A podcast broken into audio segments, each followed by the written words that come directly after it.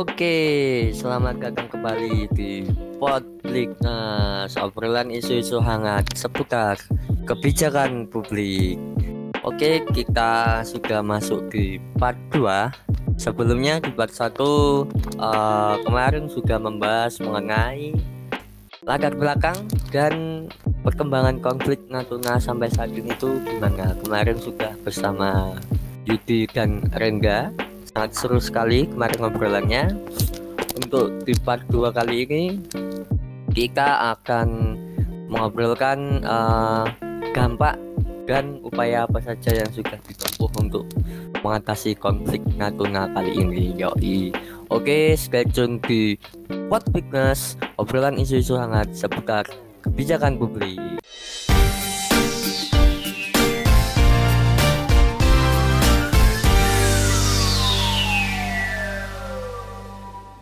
Oke, untuk dampak kali ini kita akan bersama Yunita. Kemarin kan di part 1 sudah kita membahas mengenai latar belakang dan perkembangan konflik sampai saat ini itu gimana. Nah, di dalam konflik itu pasti ada dampak yang ditimbulkan.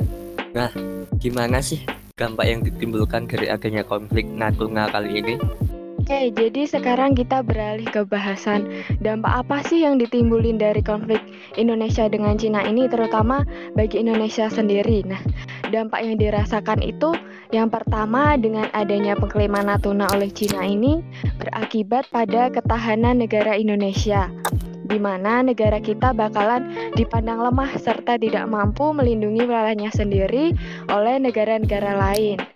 Terlebih lagi, masyarakat Indonesia jadi nggak percaya pada pemerintah atau istilahnya public trust pada pemerintah itu jadi menurun atau bahkan hilang dengan adanya kasus ini, yang di mana e, dalam pencapaian tujuan negara Indonesia yaitu untuk melindungi keutuhan NKRI itu menjadi terhambat dan e, tidak berjalan sesuai dengan rencana. Jadi e, dengan konflik tersebut tuh diharapkan pemerintah e, jadi semakin responsif dalam menyelamatkan sumber daya alam serta menjaga perbatasan di Indonesia.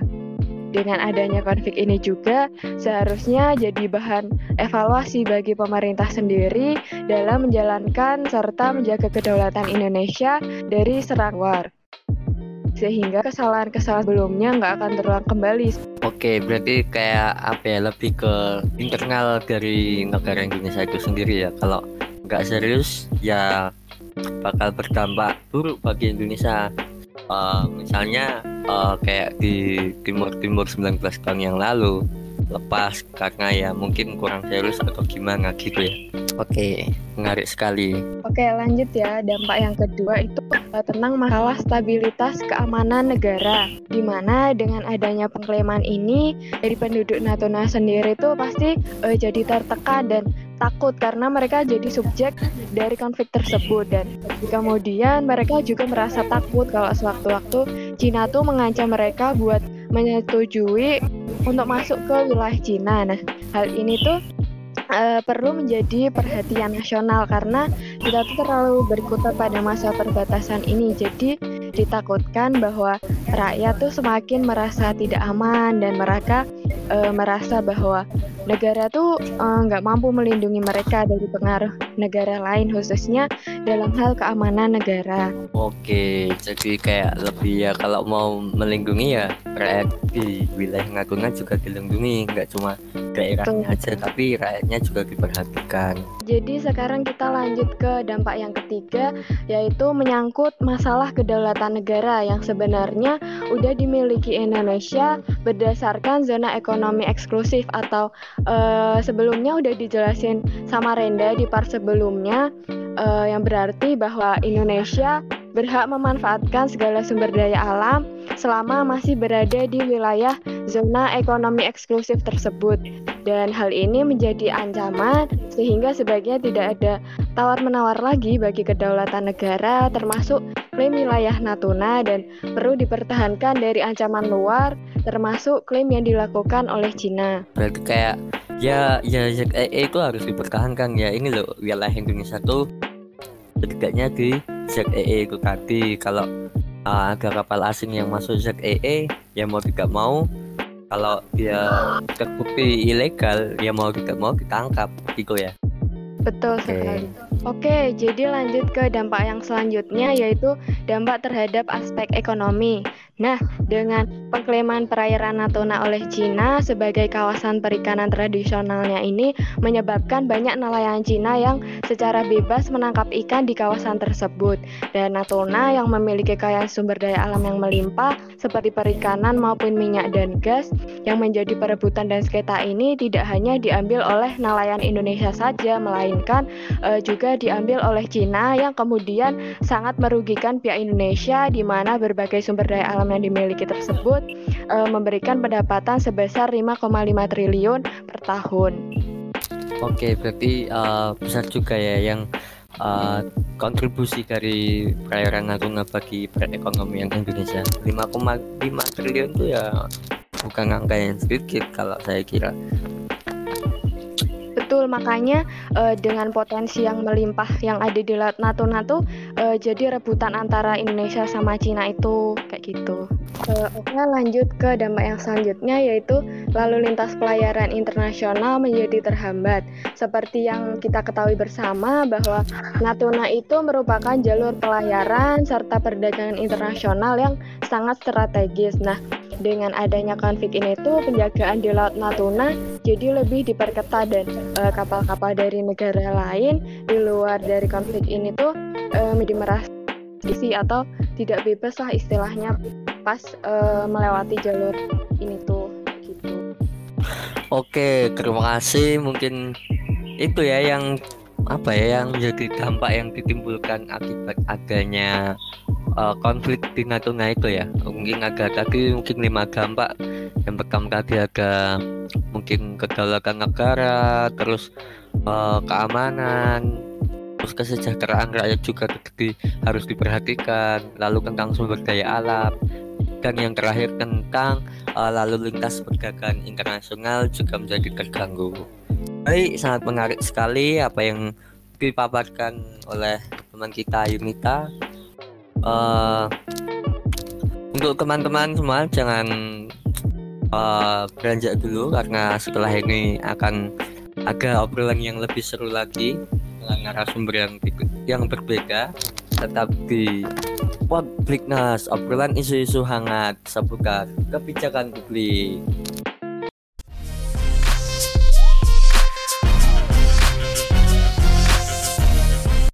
Lagi di Publiknas uh, peran isu-isu hangat seputar kebijakan publik.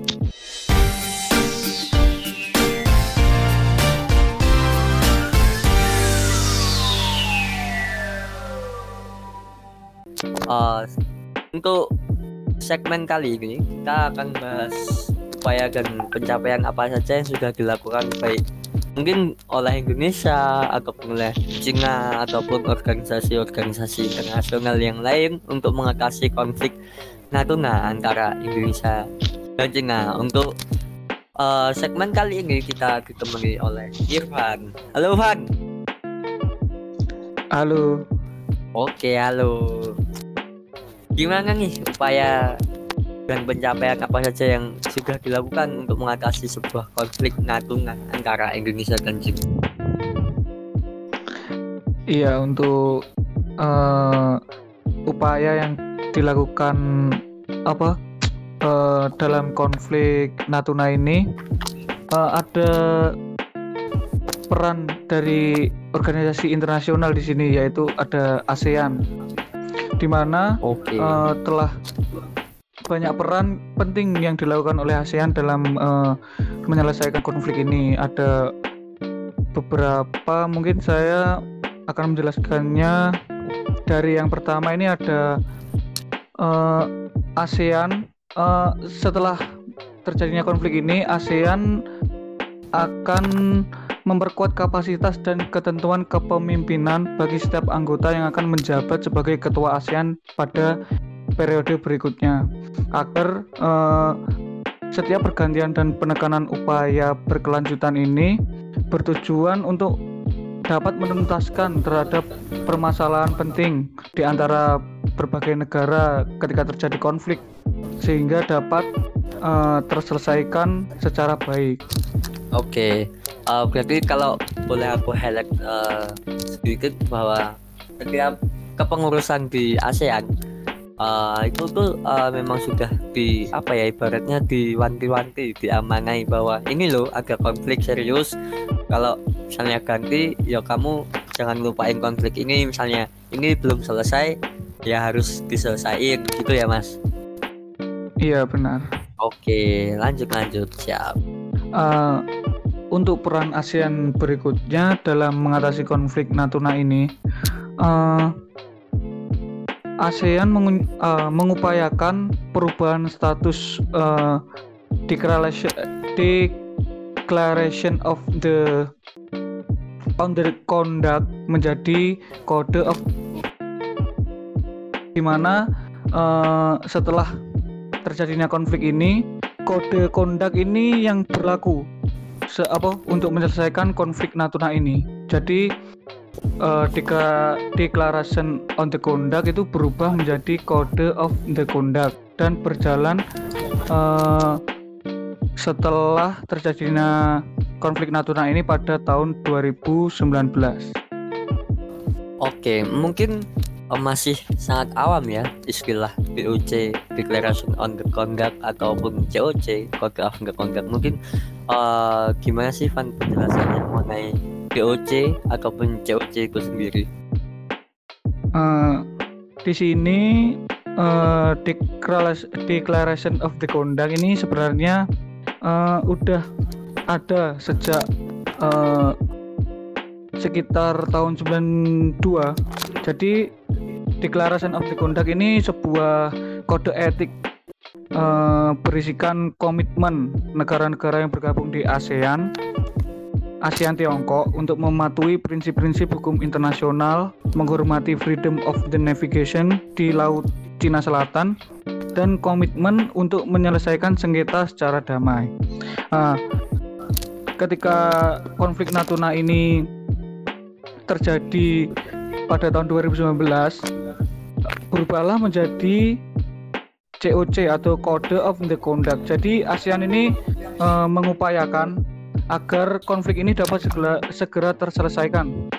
Jadi di sana uh, Code of the Conduct ini berfungsi sebagai mekanisme operasional terkait pencegahan konflik, yakni dengan mengatur tata perilaku negara-negara yang bersengketa secara efektif di dalam kawasan Laut Cina Selatan seperti uh, ketika konflik Indonesia dengan Cina yang sedang terjadi pada tahun apa 2019 tersebut.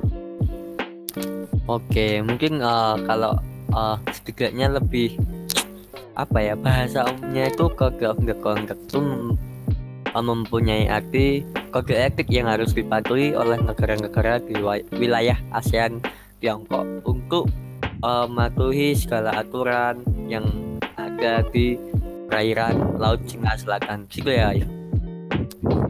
Iya benar. Oke lanjut lanjut. Nah, kemudian uh, ASEAN juga uh, berupaya untuk memperkuat kerjasama bilateral antara uh, beberapa negara secara terus-menerus dengan tujuan pemanfaatan bersama dalam potensi sumber daya alam yang ada di wilayah sengketa baik antara sesama anggota di ASEAN sendiri atau dengan uh, negara yang sedang bersengketa.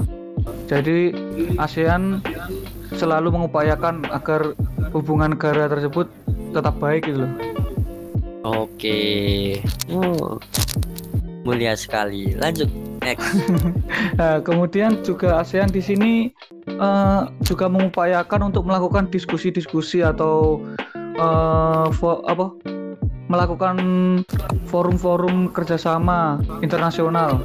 Uh, kemarin juga itu ASEAN juga mengupayakan diskusi tersebut dalam ASEAN Regional Forum untuk membentuk stabilitas di wilayah yang sedang berkonflik serta uh, untuk meredakan ketegangan yang sedang terjadi. Oke, berarti memang ada itu ya apa forum khusus untuk membahas isu-isu iya, yang tetap. sedang terjadi di wilayah ASEAN ya supaya isu ini tidak berkepanjangan dan segera terselesaikan. baik menarik iya benar Nah, kemudian untuk yang terakhir di sini peran ASEAN dalam menyelesaikan konflik Natuna, eh, ASEAN lebih memaksimalkan fungsi mekanisme kerja lembaga internalnya yang telah disepakati khususnya di bidang maritim, eh, serta dalam mengimplementasikannya di lapangan agar konflik tersebut dapat segera eh, teratasi agar tidak berlarut dan akan memunculkan konflik baru. Karena ketika konflik uh, tersebut tidak dapat diselesaikan dengan baik dan benar maka akan timbul konflik lainnya gitu loh mas. Oke ya ya. Sangat apa ya ya emang sebenarnya konflik apalagi konflik internasional isu-isu internasional iya. memang melibatkan banyak pihak dan isunya itu tidak nggak ecek-ecek ya itu bisa menyebabkan kalau kalau keterusan itu bisa menyebab, menyebabkan peperangannya. Semoga nggak terjadi lah. Semoga bisa aman damai. Oke mungkin uh, upaya mungkin gak dijelaskan. Agak sedikitnya lima upaya yang dilakukan oleh ASEAN ya. ASEAN untuk menyelesaikan konflik antara Indonesia dan Cina mengenai sengketa wilayah Natuna. Baik, oke okay, podcast uh, mengenai sengketa wilayah Natuna sudah berakhir sampai di sini. Terima kasih yang sudah mendengarkan di Podcastness. Uh, saya sekali lagi ucapkan terima kasih. Saya mewakili teman-teman saya yaitu ada ada Yuki, ada Rengga, ada Yunita dan Ivan kami mengucapkan terima kasih apabila ada salah uh, kami maaf sebesar-besarnya. Oke sampai jumpa di obrolan-obrolan selanjutnya di Podliknas obrolan-obrolan seputar kebijakan publik